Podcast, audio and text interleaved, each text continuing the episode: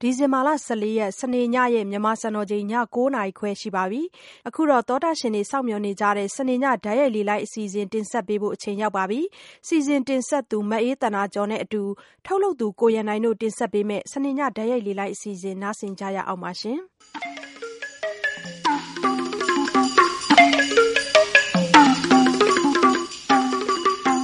မင်္ဂလာပါရှင်။စနေည တိုက်ရိုက်လေလှိုင်းအစီအစဉ်က ကြိုဆိုပါတယ်။ ဒီတပတ်မှာတော့ ကျမတို့ကြော်ငြာထားသလိုပဲ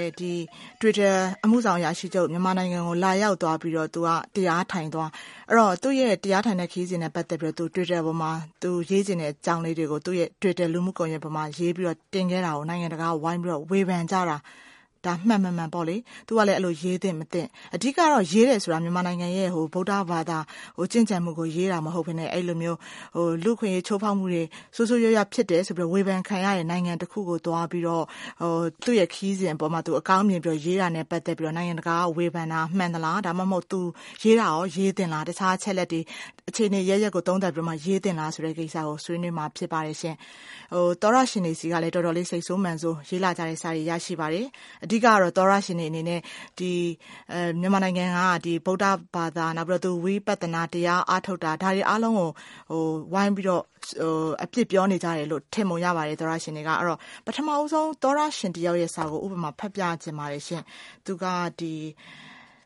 ခွန်ဝေးခူဆိုတဲ့သောတရှင်ရေးထားတာပါ။သူဘယ်လိုမျိုးထင်နေသလဲဆိုတာကိုဒီစာမှာတွေ့နိုင်ပါတယ်။ VOA ဝိုင်းတော်သားတွေဗုဒ္ဓဘာသာထွန်းကားတဲ့မြန်မာပြည်မှာမွေးပြီးတော့ဗုဒ္ဓတရားတော်နဲ့အလှမ်းဝေးတယ်။ Twitter CEO ကြတော့ဗုဒ္ဓဘာသာမထွန်းကားတဲ့တိုင်းပြည်မှာမွေးပြီးတော့ဗုဒ္ဓတရားတော်နဲ့နီးကပ်မှုရှိတယ်။ဒီတော့ VOA ဝိုင်းတော်သားတွေတဝက်တန်းနဲ့တူပါတယ်လို့ရေးလာပါတယ်။သူကပြဿနာဖြစ်တာကရခိုင်ပြည်နယ်ကဒေသတချို့။အဲဒါကိုတနိုင်ငံလုံးမငြိမ်းချမ်းသေးအောင်၊တနိုင်ငံလုံးရိုဟင်ဂျာတွေကိုလူမျိုးတုန်းသတ်ဖြတ်သေးအောင်တနိုင်ငံလုံးကိုဝါးလုံးရှည်နဲ့သိမ်းကျိုးပြောဆိုရေးသားနေတာ သတင်းသမားပီသပါရဲ့လား။သတင်းလား၊အတင်းလား။ Twitter CEO သွားနေတာသူ့ရဲ့ကိုယ်ပိုင်အားလပ်ရက်ခရီးတခုဖြစ်ပါတယ်။သူ့ရဲ့ကုမ္ပဏီကရိုဟင်ဂျာကိစ္စကိုစေလွှတ်တာမဟုတ်ပါ။ ဒီရိုဟင်ဂျာကိစ္စကိုမရမကအတင်းဆွဲဆန့်ပြီးတော့ထည့်နေပါတယ်။မြန်မာပြည်မှာမွေးပြီးတော့မြန်မာပြည်အိုးမဲပြန်သုတ်ရုံတင်မကမစင်မှာသုတ်နေပါတယ်လို့ရေးထားပါတယ်။ဒါကြောင့်ပဲကျမအခုနပြောသွားသလိုပဲအခုဆွေးနွေးဖို့တယ်လီဖုန်းနံပတ်ပို့ထားတဲ့သောတရှင်တွေလည်းရှင်းရှင်းလင်းလင်းသိရအောင်ပါ။ကျမတို့ဆွေးနွေးမယ့်အကြောင်းအရာကလူမှုကွန်ရက်ဒါမှမဟုတ်အပြင်လောကမှာသြဇာကြီးမား၊အရှိန်အဝါကြီးမားတဲ့လူတယောက်ကသူလွတ်လပ်စွာထုတ်ဖော်ရေးသားခွင့်ဆိုတဲ့ဟာကိုအပြည့်အဝအသုံးချပြီးတော့ရေးသားသင့်သလား။ဒါမှမဟုတ်အခြေအနေအရပ်ရပ်ကိုသုံးသပ်ပြီးတော့သူ့ရဲ့စာကိုရေးသင့်သလားဆိုတာကိုဆွေးနွေးကြမှာဖြစ်ပါတယ်။ကျမတို့ဒီနေ့ဆွေးနွေးပွဲမှာပါဝင်ပြီးတော့ဆွေးနွေးမယ့်သူနှစ်ယောက်ကိုဖိတ်ထားပါတယ်။ဒါကတော့မြန်မာနိုင်ငံကကိုမြတ်သူသူက Online ပေါ်ကသတင်းတုတွေကိုစောင့်ကြည့်ပြီးတော့လေ့လာနေသူဖြစ်ပါတယ်။ကိုမြတ်သူမင်္ဂလာပါ။နောက်တယောက်ကတော့အမေရိကန်ပြည်ထောင်စုဝါရှင်တန်ဒီစီမှာအခြေစိုက်တဲ့စာရေးဆရာမမေငြိမ်းဖြစ်ပါတယ်။မမေငြိမ်းမင်္ဂလာပါရှင်။မင်္ဂလာပါ။ဆွေး နွေးတဲ့လူနှစ်ယောက် လိုင်းပေါ်မှာ ရောက်နေပြီဆိုတော့ ကျမတို့ ဆွေးနွေးမယ့်အကြောင်းအရာကိုပဲ သူတို့ သဘောထားလေးတွေ မေးချင်ပါတယ်။အဓိကတော့ အခုန ကျမပြောသွားတဲ့ Twitter CEO မြန်မာနိုင်ငံခရီးစဉ် သူ့ရဲ့ Personal ခရီးစဉ်မှာ သူ့ရဲ့ ကိုယ်ပိုင်အားလပ်ချိန် သူ့ရဲ့မွေးနေ့အတွက် အမှတ်တရသွားတဲ့ ခရီးစဉ် ဖြစ်ပါတယ်။အဲဒါကိစ္စနဲ့ ပတ်သက်ပြီးတော့ သူ တရားထိုင်တဲ့အကြောင်း သူ့ရဲ့ ကိုယ်ပိုင်ထင်မြင်ယူဆချက်ကို ရေးပါတယ်။နိုင်ငံတကာကတော့ လူ့အခွင့်အရေး ချိုးဖောက်မှုတွေ ဖြစ်နေတဲ့ မြန်မာနိုင်ငံကို သွားပြီးတော့ မြန်မာနိုင်ငံကို မြှင့်တင်ပေးရာ ရောက်လို့ဆိုပြီးတော့ဝေဖန်တာပါ။အဲဒီတော့ Twitter CEO ရေးသင့်မသင့်ကိုမြတ်သူဘယ်လိုထင်ပါလဲရှင့်။သူရေးတဲ့ဟာကိုဖတ်ကြည့်တဲ့အထဲမှာတရားထိုင်တာဆိုတာထက်သူတရားသွားထိုင်တာကိုလူတွေဝေဖန်တယ်ဆိုတော့သူရေးတဲ့ Quote တခုကိုအဓိကလူတွေကပိုပြီးတော့ဝေဖန်ကြတယ်။အဲဒီနေရာကဘာလဲဆိုတော့မြန်မာပြည်သူတွေကသိပ်ကိုပျော်ရွှင်နေကြတယ်။မြန်မာပြည်ဟာသိပ်ကိုလှပတဲ့နိုင်ငံ။ဒီနိုင်ငံကိုသွားလည်ကြပါလို့ပြောတဲ့ စကားအပေါ်မှာလူတွေက အဓိကဝေဖန်ကြတာဖြစ်တယ်။ဒီစကားအပေါ်မှာဝေဖန်တာဖြစ်တယ်။ဘာဖြစ်လို့လဲဆိုတော့မြန်မာပြည်သူတွေသိပ်ကိုပျော်ရွှင်နေကြတယ်လို့သူရေးလိုက်တဲ့ဟာပေါ်မှာလူတွေကမြန်မာနိုင်ငံရဲ့ဖြစ်နေတဲ့အခြေအနေတွေပေါ်မှာသူ့အနေနဲ့ဆိုးဝါးတဲ့ဖြစ်ပျက်နေမှုတွေကိုမျက်ကွယ်ပြုပြီးတော့သူမြင်သလောက်အပေါ်ယံအပိုင်းတွေပဲပြောတယ်ဆိုပြီးတော့လက်လွတ်စပယ်ရေးသားတယ်လို့ဝေဖန်ကြတယ်။ဒီနေရာမှာပြန်စဉ်းစားရင်ရခိုင်ကိစ္စတခုတည်းမဟုတ်ဘူး။ ကျနော်တို့မြန်မာနိုင်ငံမှာလက်ရှိကချင်နဲ့ရှမ်းမြောက်မှာလည်းတိုက်ပွဲတွေဖြစ်ပွားနေတာရှိတယ်။လူတွေသိန်းနဲ့ချီပြီးတော့ဒုက္ခသည်စခန်းတွေမှာရှိနေတယ်။အိုးပစ်အိမ်ပစ်ထွက်ပြေးနေရတာရှိတယ်။ကရင်ပြည်နယ်မှာလည်းတိုက်ပွဲတွေကြောင့်ထွက်ပြေးခဲ့ရတဲ့လူတွေရှိတယ်။တချို့တွေဆိုရင်ကိုယ့်နေရပ်ကိုမပြန်နိုင်သေးဘူး။ဆိုပါစို့ကျနော်တို့ဆီမှာကစိတ်ကိုပျော်ရွှင်နေကြတယ်ဟိုစိတ်ကိုလှပါတယ်ဆိုရဲဟိုသူ့စကားကတော့တော်တော်ဟိုမြင်းပွားစရာဖြစ်တယ်ကအဓိကကတော့ဒီမှာဒုက္ခရောက်နေတဲ့လူတွေက စိတ်နဲ့တန်းတဲ့ချီရှိနေဒီအချိန်ဒီပေါ်ဝေဖန်ကြတာလို့ကျွန်တော်တို့နားလည်ပါတယ်ဗျ ဟုတ်ကဲ့ဟိုသူဒုတိယတစ်ခေါက်နောက်ပိုင်းမှာပြန်ပြီးတော့ဟိုဖြည့်ရှင်းထားတဲ့အဲ့ဒီဟာတွေထွက်ပြီးတော့၃ရက်လောက်မှဖြည့်ရှင်းထားတဲ့ဟိုအကြောင်းအရာလေးလည်းရှိပါတယ်ကျမတို့အဲ့ဒီအကြောင်းကိုဆက်ပြီးတော့နောက်ပိုင်းမှာပြောပြပေးပါမယ်ဆိုတော့မက်မင်ငိန်ကရောဒီ Twitter CEO ကိုသူ့ရဲ့မြန်မာနိုင်ငံခီးစဉ်နဲ့ပတ်သက်ပြီးတော့သူ face ဒီ Twitter လူမှုကွန်ရက်ပေါ်မှာရေးခဲ့တာကိစ္စကိုဘယ်လိုမြင်ပါလဲရှင်သူသူ့ရဲ့ခံစားချက်အတိုင်းသူအဲ့လိုမြင်တယ်ပေါ့လေမြန်မာနိုင်ငံသူသွားတွေ့ခဲ့တဲ့လူတစုသူ့ကိုဟိုကောင်းမ treat လုပ်လိုက်တယ်အဲ့ဒါမျိုးကိုသူပျော်စရာကောင်းတယ်ဆိုပြီးမြင်ပြီးတော့သူအဲ့အရှိကိုအရှိတိုင်းပထမစာမှာရေးခဲ့တဲ့ကိစ္စဝေဖန်ခံရတာအမအနေနဲ့ဒီအဲသူဒီ check တော့စီရေးတင်လားမရေးတင်လားဘယ်လိုထင်ပါလဲအာကျမစိတ်ထင်တော့လေသူကသူ့ရဲ့ Twitter page မှာရေးတာက စောင်းမလို့ရေးတာတော့မဟုတ်ဘူးပေါ့နော်သူရဲ့ခံစားချက်ကိုလည်းသူကမျှဝေတဲ့ပုံစံနဲ့ရေးတာဆိုတော့သူခံစားရတဲ့အတိုင်းရေးတယ်လို့ကျမကမြင်တယ်သူ့ရဲ့ဒါကိုယ်ပိုင်လွတ်လပ်ခွင့်ပေါ့လေဒါပေမဲ့ကျမအနေနဲ့ကျတော့ပြန်ပြီးတော့စဉ်းစားရင်ကျမရဲ့ Facebook page မှာတည်ရင်တောင်မှကျမဒီစာရေးဆရာဖြစ်နေတယ်ဆိုရင်ငါဒီဒီ message ကိုငါ share လုပ်ချင်တယ်ငါဒီသတင်းကိုပေးချင်တယ်ဆိုရင်ဒီဥစ္စာဟာအားလုံးကိုခြုံငုံနဲ့အတွေးခေါ်ဖြစ်ရလားအယူဆဖြစ်ရလားဆိုတာတော့စဉ်းစားမှာပေါ့နော်ခုနကကိုမြတ်သူ တခြားအခြေအနေတွေလည်းရှိနေတယ်ဆိုတော့သူဟာ CEO တယောက်အနေနဲ့တည်တည်ဖြစ်ရမယ်ပေါ့ဆိုတော့ရေးရင်တော့ချင့်ခင်ရမယ်လို့ထင်တယ်ဒါပေမဲ့တစ်ဖက်ကကြည့်တော့လေသူဒီဒီခံစားချက်ကိုသူရလာတယ်သူရဲ့ဝိပဿနာနဲ့ပတ်သက်တဲ့ခံစားချက်ကိုသူရလာတဲ့အချိန်မှာသူကဒီဥစ္စာကိုသူဟိုမျှဝေခြင်းနဲ့နော်သူရဲ့ခံစားချက်ကိုမျှဝေခြင်းနဲ့အခါမှာသူကဒါကိုရေးမိရေးလိုက်တယ်ပေါ့အဲ့လိုရေးလိုက်တဲ့အခါမှာလေသူကပြောကြကောင်းတယ်ဆိုတဲ့ဒီအမြင်လေးသူ့ရဲ့ပတ်ဝန်းကျင်အမြင်လေးကိုပဲရေးတယ်ဆိုရင်ညမှာ CEO တယောက်အနေနဲ့ ရေးတယ်ရေးတယ်ဆိုတာကိုသူစဉ်းစားဘူးလို့ကျွန်မထင်တယ်။ဘာဖြစ်လို့လဲဆိုတော့ကျွန်မကိုယ်တိုင်တွေ့နေရတဲ့ဟိုတချို့နိုင်ငံသားတွေအဲမြန်မာနိုင်ငံကိုသွားတဲ့အခါမှာသူတို့ဒီသူတို့ပတ်ဝန်းကျင်လေးမှာတွေ့တဲ့ကလေးနဲ့သူတို့သိပြောလာပဲမြန်မာလူမျိုးတွေကတကယ်စိတ်မရကြပါဘူး။နော်ဝန်သာပျော်ရွှင်နေကြပါတယ်ဆိုတဲ့အမြင်မျိုးတွေအများကြီးရှိတယ်။ဆိုတော့ဒါဦးလေသူကရိုးရိုးတနာပဲရေးလိုက်တယ်လို့ကျွန်မကမြင်ပါတယ်။ဟိုတခုခုကိုဥတီပြီးတော့နိုင်ငံရေးရပါရရေးတယ်လို့ကျွန်မမထင်ပါဘူးရှင့်။ ဟုတ်ကဲ့ချိန်ပါလေဟုတ်ကဲ့ရှင်မမင်းငိန်ပြောသလိုဆိုရင်သူဒီမမင်းငိန်ပြောသလိုပဲဒီတော်ရရှင်တွေတော်တော်များများရေးလာကြတာတွေ့ပါတယ်အဲ့ဒီမှာအာကျမအခုဒီ Twitter ဒီအမှုဆောင်ရရှိချုပ် Jack Dorsey ပြန်ပြီးတော့ဟိုဒီဇင်ဘာလ12ရက်နေ့တော့ရှင်းသွားတဲ့အကြောင်းတွေကိုကျမပြန်ပြီးတော့ဟို သောရရှင်တွေလည်းနားထောင်နေတဲ့သောရရှင်လည်းသိအောင်ပြောပြချင်ပါတယ်သူကဘလို့ပြန်ပြီးတော့ဟိုသူ့ဝေဖန်ခံရတာတွေဖြစ်လာပြီးတော့ပေါ့နော်သူရဲ့ပထမ post ပြီးတော့နောက်ပိုင်းမှာသူပြန်ရေးတာကဒီမြန်မာနိုင်ငံအတွင်းမှာလူခွင့်ရေးဆိုင်ရာကြမ်းကြုတ်ရက်စက်မှုတွေနဲ့အကြက်တဲတွေသိရှိထားတဲ့အကြောင်းသူသိထားရဲပေါ့နော်မြန်မာနိုင်ငံကိုတွားရောက်တာတရားထိုင်တာနောက်ပြီးသူလူတွေနဲ့တွေ့ဆုံစကားပြောတာတွေကလည်းမြန်မာနိုင်ငံကိုထောက်ခံအားပေးတယ်ဒီကိစ္စတွေကိုထောက်ခံအားပေးတယ်လို့မယူဆတဲ့အကြောင်းသူကပြောပါတယ်အဲဒီ မြန်မာနိုင်ငံမှာ လူခွင့်ချိုးဖောက်မှုတွေ ရှိနေတာကို ထုတ်မပြောသွားဘဲနဲ့ မှိမ့်မိန်အောင်လုပ်ဖို့လည်း မရည်ရွယ်ကြောင်းပါတဲ့ နောက်ပြီးတော့ဒီမြန်မာနိုင်ငံနဲ့ ပတ်သက်ပြီးတော့ ဒီကိစ္စအဝဝတော့ သူဟိုရေးရေးလဲလဲမသိသေးဘူးဆိုတာလည်း ဝန်ခံသွားတယ်။သူအများကြီး မြန်မာနိုင်ငံနဲ့ ပတ်သက်ပြီးတော့ လေးလာဖို့ လိုသေးတယ်လို့လည်း ရေးသွားပါတယ်ရှင်။နောက်ပြီးတော့ သူကဒီမြန်မာနိုင်ငံခီးစဉ်က စီးပွားရေးဒီဒီအလုပ်သဘောခီးစဉ်မျိုး မဟုတ် ဘူးအဲသဘောမျိုးမဟုတ်ဘူးဆိုပြီးတော့လေသူကဒါသူ့ရဲ့ကိုပိုင်ပေါ့နော်သူ့ရဲ့မွေးနေ့အမှတ်တရသွားတဲ့ခီးစဉ်သာဖြစ်တယ်ဆိုပြီးတော့သူပြောသွားခဲ့ပါတယ်အဲဒီမှာသောရရှင်တယောက်ရဲ့စာကိုဖတ်ပြခြင်းပါတယ်အဲဦးတင်ငွေဆိုတဲ့သောရရှင်မှာ Jack Dorsey ကတာမန်လူတယောက်မဟုတ်ပါဘူးတဲ့သူက social influencer တယောက်ဆိုတာလူတိုင်းသိပါတယ်တဲ့ social influencer ဆိုတာလူမှုကွန်ရက်ရဲ့စာမျက်နှာတွေပေါ်မှာဒီဩဇာကြီးရဲ့လူပေါ့လေသူ့ကိုစောင့်ကြည့်ပြီးတော့သူ့ရဲ့စကားဆိုရင်သဘောကျတဲ့လူတွေအများကြီးရှိတာကိုပြောတာပါတာမန်ခီးသွားပြီးတော့သူ့ရဲ့အတွေ့အကြုံကိုမျှဝေတဲ့သဘောနဲ့ပြောတာပါတဲ့မမင်းချင်းပြောသွားတယ်နဲ့ကြိုက်ပါတယ်လူအခွင့်အရေးကိုမျက်ကွယ်ပြုပြီးတော့ပြောတာလည်းမဟုတ်ပါဘူးသူလွတ်လပ်ခွင့်နဲ့သူရေးခွင့်ရှိရလို့ယူဆပါတယ်သူ့အနေနဲ့အခြေအနေကိုသိနေပေမဲ့မိမိထိတွေ့ခံစားရခြင်းကိုသာပြောတာဖြစ်ပါတယ်ဆိုပြီးတော့ဦးတင်ငွေကပြောထားပါတယ်ရှင်ဒီမှာသောရရှင်တွေကဒီ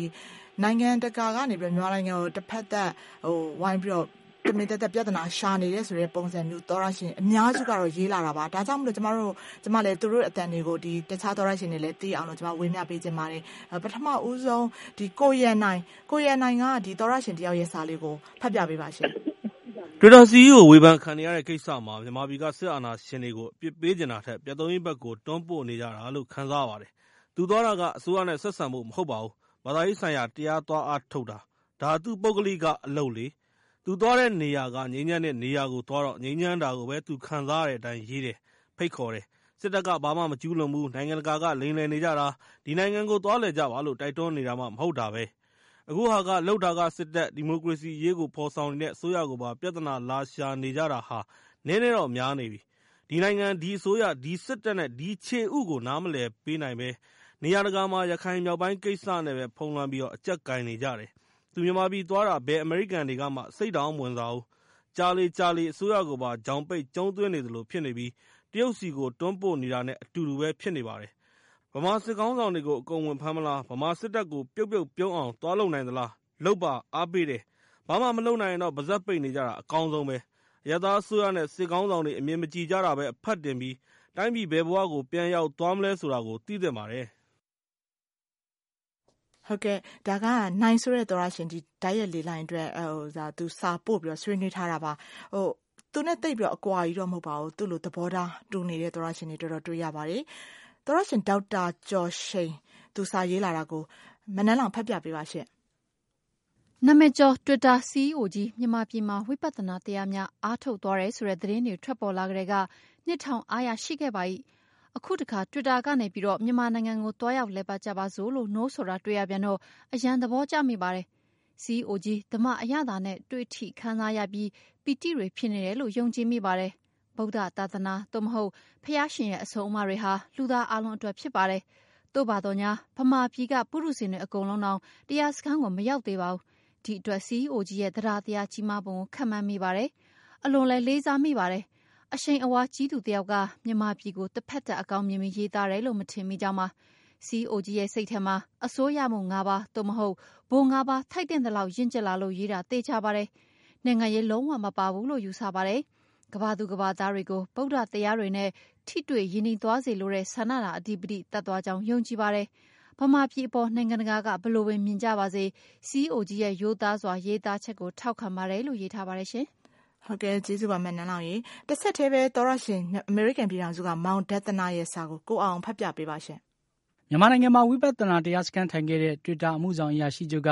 သူ့ရဲ့တရားစခန်းအတွေ့အကြုံအရတခြားသူတွေကိုလည်းဝိပဿနာတရားကျင့်ကြံဖို့မြန်မာနိုင်ငံကိုသွားတင်ကြောင်းရေးသားချက်နဲ့ပတ်သက်ပြီးသူ့အပေါ်ဝေဖန်ရှုတ်ချမှုတွေပွက်လောညံနေတဲ့သတင်းတွေကိုကြားလိုက်ရတော့စိတ်မကောင်းဖြစ်မိပါတယ်။ အထူးသဖြင့် နိုင်ငံတကာ လူ့အခွင့်အရေး လှုပ်ရှားနေတဲ့ အဖွဲ့အစည်းတွေရဲ့ အဓိပ္ပါယ်မဲ့ ဆူညံသံတွေပါ။အကြောင်းကတော့ Twitter ပေါ်မှာ စာရေးတဲ့သူက သာမန်ပုဂ္ဂိုလ်တဦး မဟုတ်ပါဘူး။အဲဒီကုမ္ပဏီရဲ့ အရာရှိတယောက်သာ ဖြစ်ပါတယ်။သူ့လို လူတယောက်က ဆင်ခြင်မှုကင်းမဲ့စွာ ရေးသားလိမ့်မယ်လို့ မထင်ပါဘူး။ဝိပဿနာတရားအကြောင်းနဲ့ မြန်မာလူမျိုးတွေရဲ့ ဓလေ့စရိုက်အကြောင်းတွေကို ပကတိအခြေအနေတွေအတိုင်း ရေးသားချက်ကို ရခိုင်အရေးတခုတည်းနဲ့ ဝေဖန်ရှုတ်ချနေသူတွေဟာ ပြဿနာကို ဖြေရှင်းနေကြတာ မဟုတ်ဘဲ အမုန်းတရားကို အခြေခံပြီးပြဿနာကို ကြီးသထက်ကြီးအောင် မြန်မာနိုင်ငံကို လုံးဝမသွားသင့်တဲ့ နိုင်ငံတနိုင်ငံအဖြစ် ရုပ်လုံးပေါ်အောင် ပုံဖော်နေကြသူတွေသာ ဖြစ်ပါတယ်။ Twitter စာမျက်နှာတွေကနေ အမေရိကန်သမ္မတတောင် နာမည်ကြီး သတင်းမီဒီယာတွေအကြောင်း သူနဲ့ပတ်သက်တဲ့ နိုင်ငံရေး၊လူမှုရေးအကြောင်းတွေ ရေးသားနေပါတယ်။ဘာကြောင့် Twitter အမှုဆောင်အရာရှိချုပ်လို မဝေဖန်ရဲကြတာလဲ။မြန်မာနိုင်ငံရဲ့ ပြဿနာဟာ ရခိုင်အရေးတခုတည်း မဟုတ်ပါဘူး။ချက်ချင်းလက်ငင်းဖြေရှင်းလို့ မရနိုင်တဲ့ ပြဿနာတော့ အများကြီးပါ ဒါကြောင့် ဘာနိုင်ငံရေးပယောဂမှမပါဘဲ သူကျင့်ကြံခဲ့လို့သိတဲ့ ဝိပဿနာတရားအကြောင်းတွေကို တခြားသူတွေလည်း ကျင့်ကြံနိုင်အောင် မျှဝေပေးတဲ့ပေါ်တစ်ဖက်စောင်းနှင်း ဝေဖန်ရှုတ်ချနေသူတွေအားလုံးကို လုံးဝရှုတ်ချမိပါတယ် ဟုတ်ကဲ့မောင်ဒသနရေးလာတာပါဒီမှာမောင်ဒသနရေးလာတဲ့အချက်ထဲမှာဒီပြီးသူ့ရဲ့စာပြီးကနေမှာပေါ့လေသူကဒီအမေရိကန်သမ္မတတော်မှာတဲ့နာမည်ကြီးသတင်းမီဒီယာတွေအကြောင်းနောက်ပြီးတော့သူနဲ့ပတ်သက်တဲ့နိုင်ငံရေးတွေလူမှုရေးတွေအကြောင်းရေးသားနေတာအဲဘာကြောင့်တွေ့တဲ့အမှုဆောင်အရာရှိလိုမျိုးမဝေဖန်ရတာလဲဆိုတော့တကယ်တမ်းကျတော့သမ္မတဒေါ်နယ်ထရမ့်အနေနဲ့သူအဲ့လို Twitter ပေါ်မှာသူရေးသားတဲ့ဟာတွေကနိုင်ငံရေးနဲ့ပဲပတ်သက်တဲ့နောက်ပြီးသူ့ရဲ့ကိုယ်ပိုင်ရေးသားချက်ပဲဖြစ်ဖြစ်ဟိုအမြဲတမ်းကိုဝေဖန်ခံနေရပါတယ်အဲအဲ့ဒါကတော့ဒီမဝေဖန်ရဲဘူးဆိုတာတော့မဟုတ်ပါဘူးသူတို့လွတ်လပ်စွာပြောဆိုခွင့်ကိုအပြည့်အဝကျင့်သုံးပြီးတော့သူကိုဟိုသတင်းသမားတွေကတစ်ချိန်လုံးဝေဖန်နေတာကိုသတင်းမီဒီယာမှာကြားနေရပါတယ်အခုဒီသောရရှင်၃ယောက်ပြောသွားတဲ့အထက်မှာဒီအာမြန်မာနိုင်ငံကိုဟိုသွားတဲ့နယ်လို့သူပြောတာကောင်းတယ်ပေါ့လေဆိုတော့ အော်အဲ့ဟာလေးကိုကျမဒီခုနကတော့ပင်နိုင်ဆွေးနေတဲ့သူနှစ်ယောက်ကိုပြန်မေးချင်ပါတယ်ကိုမြတ်သူရောမမင်းငင်ရောခုနကတော့ဟိုဟိုအကြံပြင်းလေးပြောသွားခဲ့ကြပြီးသွားပြီပေါ့နော် social influencer တွေအနေနဲ့ဘာကြောင့်ဟိုသူ့ရဲ့ခံစားချက်အတိုင်းသူမြင်တဲ့ဟိုဘောင်ချင်းချင်းတစ်ခုကိုပဲသူထင်တယ်လို့ဟိုပြောလို့ဆိုလို့ပြောလို့ပြောလိုက်ဆိုလိုက်တာတော့အဲ့လောက်ထိဝေဖန်နေကြတာလဲဘယ်လိုမျိုးအကျိုးဆက်မျိုးဖြစ်နိုင်လို့လို့ပါလဲရှင်အဲ့ဒါလေးကိုနည်းနည်းလေးအခြေတဝင်းရှင်းပြပါအာကိုမြတ်သူဘယ်လိုထင်ပါလဲအာ ဟုတ်ကဲ့ ကျွန်တော်တို့ဒီလူမှုကွန်ရက်မှာဒီဆော့ဆော့ဒီ follower တွေ အရင်များတယ်ဒီသင်ရှားကြော်ကြားသူတွေက ဘာပဲရေးရည်သူအဓိက ဆင်ကျင်ရတယ် ပို့ပြီး သူဆင်ကျင်ရတယ် ပို့ပြီးတောင်းရင်မှုတောင်းခံမှု ရှိရတယ်ဒါလည်းဘာကြောင့်လဲဆိုရင် သူတို့က ရေးလိုက်တဲ့ စာတစ်ပိုင်းသူတို့က တင်လိုက်တဲ့ ပုံတစ်ခု သူတို့က တင်လိုက်တဲ့ဗီဒီယိုတစ်ခုကတာမန်လူပြုတ်တင်လာတဲ့အစာပေါင်းများစွာကို ပို့ပြီးဟိုအနေရကြီးရယ် ပို့ပြီးတက်ရောက်မှု ကြီးလို့ပြဆိုတော့ကျွန်တော်တို့ဒီ2014တုန်းကဆိုရင်ဒီကျွန်တော်တို့ ဒီသင်ရှားကြော်ကြားတဲ့အဲဒီလူတယောက်ပေါ့နော်ဒီပုံကူတူပေါ့ဒါမန္တလေးနဲ့ပတ်သက်တဲ့ဒီသတင်းအထူးတစ်ခုဒီအဒမမှုသတင်းအထူးတစ်ခုတင်လိုက်တယ်သူ့ရဲ့ကိုယ်ပိုင်အကောင့်အဲ့ဒီသူ့မှာ follower သပိန်းကျော်လို့ရှိတယ်အဲ့ဒီကနေပြီးတော့ကျွန်တော်တို့မန္တလေးပြည်ပခါစဖြစ်တယ်ဒါကျွန်တော်တို့ဟိုမှတ်တမ်းတစ်ခုအနေနဲ့ကျွန်တော်တို့မှတ်မိနေတယ်ပေါ့ဆိုဆိုဆိုပါတော့ဒီလူတွေကိုအတွေးခေါ်ရတခုခုလွဲမှားသွားစီနိုင်တယ်ဆိုတဲ့အကြောင်းအရာတွေပါလာတယ် အကွာတော့မကြည့်ရဘူးဒါနဲ့ကိုယ့်ရဲ့ရေးသားချက်ကအတိတ်တွေတမျိုးတက်ရောက်သွားပြီလေဆိုရင်ဒါတော်တော်ဒီဟိုဒီရေးသားတဲ့ဟိုလူမှုကွန်ရက်ပေါ်မှာထင်ရှားကြော်ကြားသူတွေကဒါကိုအဓိကတာဝန်ခံရတယ်ဗျ။ဒါတော့ CEO ကိစ္စမှာလူတွေကဒီကိစ္စကိုအဓိကဝေဖန်နေတာလို့ပဲကျွန်တော်မြင်တယ်။အာဒီမှာဟိုလူခွင့်ချိုးဖောက်မှုရှိတယ်။ဒါဒီလူခွင့်ကိုလေးစားလိုက်တာတန်ဖိုးထားတဲ့လူတွေဒီလူခွင့်ချိုးဖောက်မှုတွေကိုမျက်ကွယ်မပြုတ်အပ်ဘူး မျက်ကွယ်မပြုတ်တင်ဘူးလို့လူတွေဒီဟိုကျွန်တော်တို့ဒီဒီလူခွင့်ရေးအခြေခံစံနှုန်းကိုတန်ဖိုးထားလို့ရအမြဲတမ်းပြောဆိုလေ့ရှိတယ်။ဆိုတော့ဒီ data CEO ရဲ့ဒီ statement တစ်ခုကဒီ tweet တစ်ခုကအာဒီလူခွင့်ရေးချိုးဖောက်မှုတွေကိုမျက်ကွယ်ပြုတာရောက်တဲ့သဘောတော့တက်ရောက်သွားတယ်ကဒါကြောင့်လေလူတွေဝေဖန်ကြတာလို့ကျွန်တော်နားလည်တယ်အဲဟိုဒီလိုမျိုးဟိုရေးတဲ့အနေနဲ့ရေးတဲ့သူတွေရောအဓိကလူခွင့်မှာသင်ချားသူတွေအနေနဲ့တော့ဘယ်ရာဝဲကြီးရေးလက်လို့ဆိုပဲကြီးလို့မရဘူးက ဟိုဥမာဆော့ဆော့ပြောရတယ်ကျွန်တော်ဒေါ်နယ်ထရန့်ဒေါ်နယ်ထရန့် tweet မှာရေးရကိုလေဟိုကျွန်တော်သတင်းချက်လက်စစ်ဆေးတဲ့လူတွေအမြဲတမ်းတင်းတင်းထန်ထန်ဝေဖန်နေတာပဲအထူးသဖြင့်မီဒီယာတွေဒီဘယ်ချက်တရားမှားယွင်းတယ်ဘယ်ချက်တရားအလိမ်ညာတွေဖြစ်တယ်ဘယ်ချက်တရားအသေးစိတ်ကိုတိတ်ဆောင်းနေတဲ့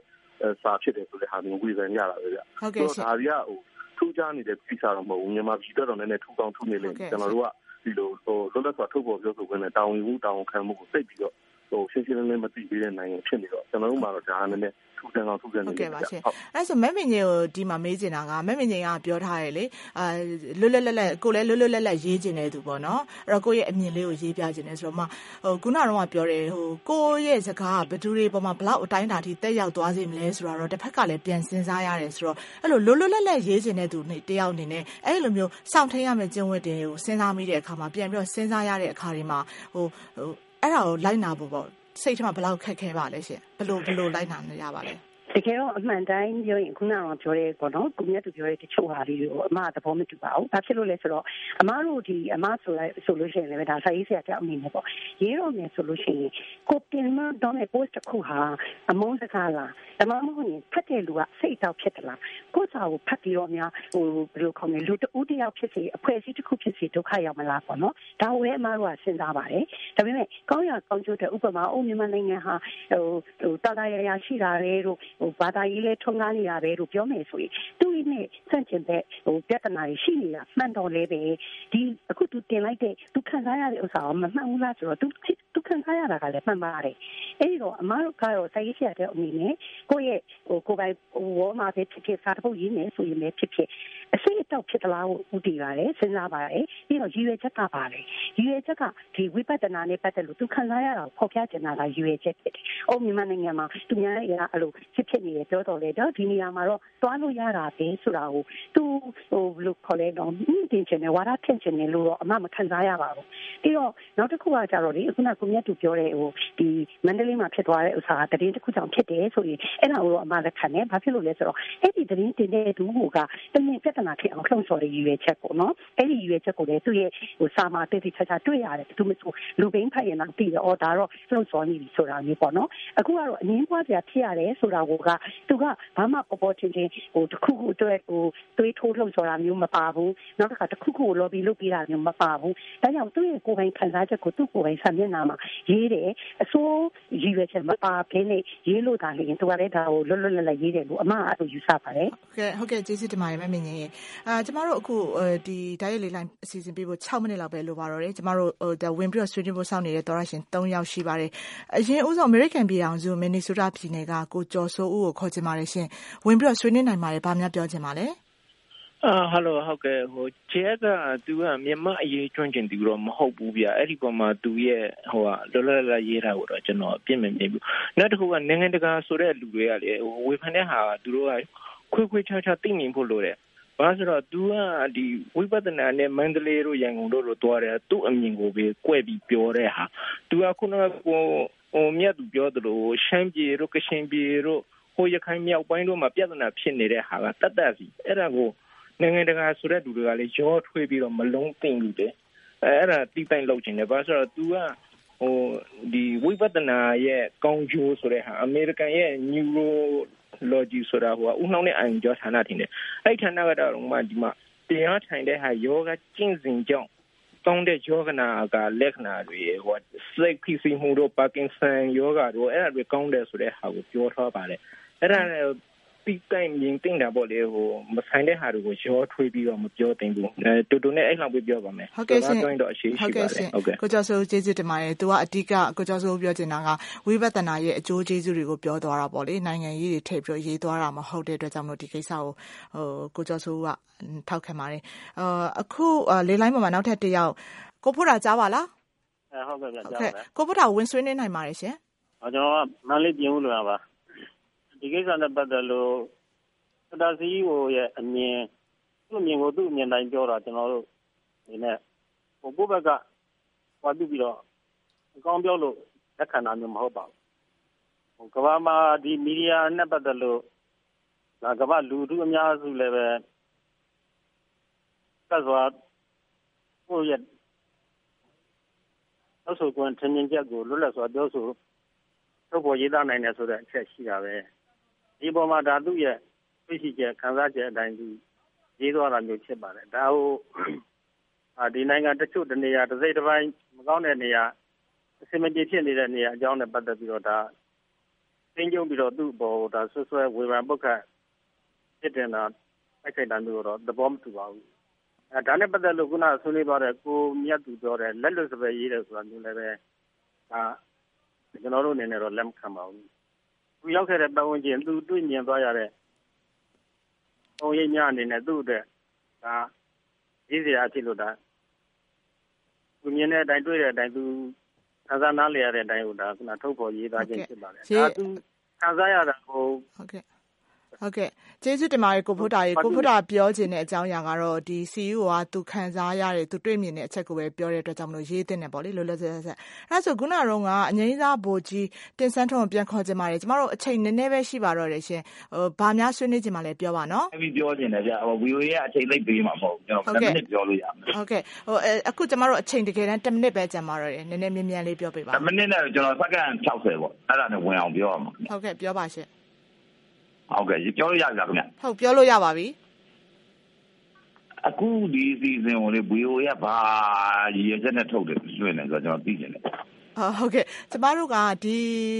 အခုနိုင်ငံတကာဖြစ်ပျက်နေတဲ့အကြောင်းအရာတွေကိုကျမတို့သတင်းဌာနအနေနဲ့တင်ပြပါတယ်ဒါကြောင့်မလို့ကျမတို့ကဖြည့်ရှင်းစရာတော့လိုမယ်မထင်ပါဘူးဒီတော့ကျမကိုမြတ်သူနဲ့မက်မင်းငိမ့်နဲ့ကိုပြန်ပြီးတော့ဟိုအချင်းချုပ်လေးပေါ့နော်အခုကျမတို့10မိနစ်ခွဲပဲကြံပါတော့တယ်ရှင်အဲ့တော့ဒီအဲလူမှုကွန်ရက်ပေါ်မှာခုနကတော့ CEO ဒီ Twitter CEO ရဲ့ကိစ္စကတော့မက်မင်းငိမ့်ကသူ့ရဲ့ခံစားချက်တိုင်းဟိုရေးတယ်ဆိုတဲ့အတွက်ကြောင့်မလို့ထောက်ခံတယ်ပေါ့ကိုမြတ်သူကတော့ဟိုစားသူကအချင်းတွေရရက်ကိုစဉ်းစားတင်တယ်လို့ထင်တယ်ပေါ့ဒါပေမဲ့နောက်ဆုံးအချင်းချုပ်လေးအနေနဲ့ဒီ social influencer တွေပေါ့လေသူတို့ကိုစောင့်ကြည့်နေတဲ့သူများတဲ့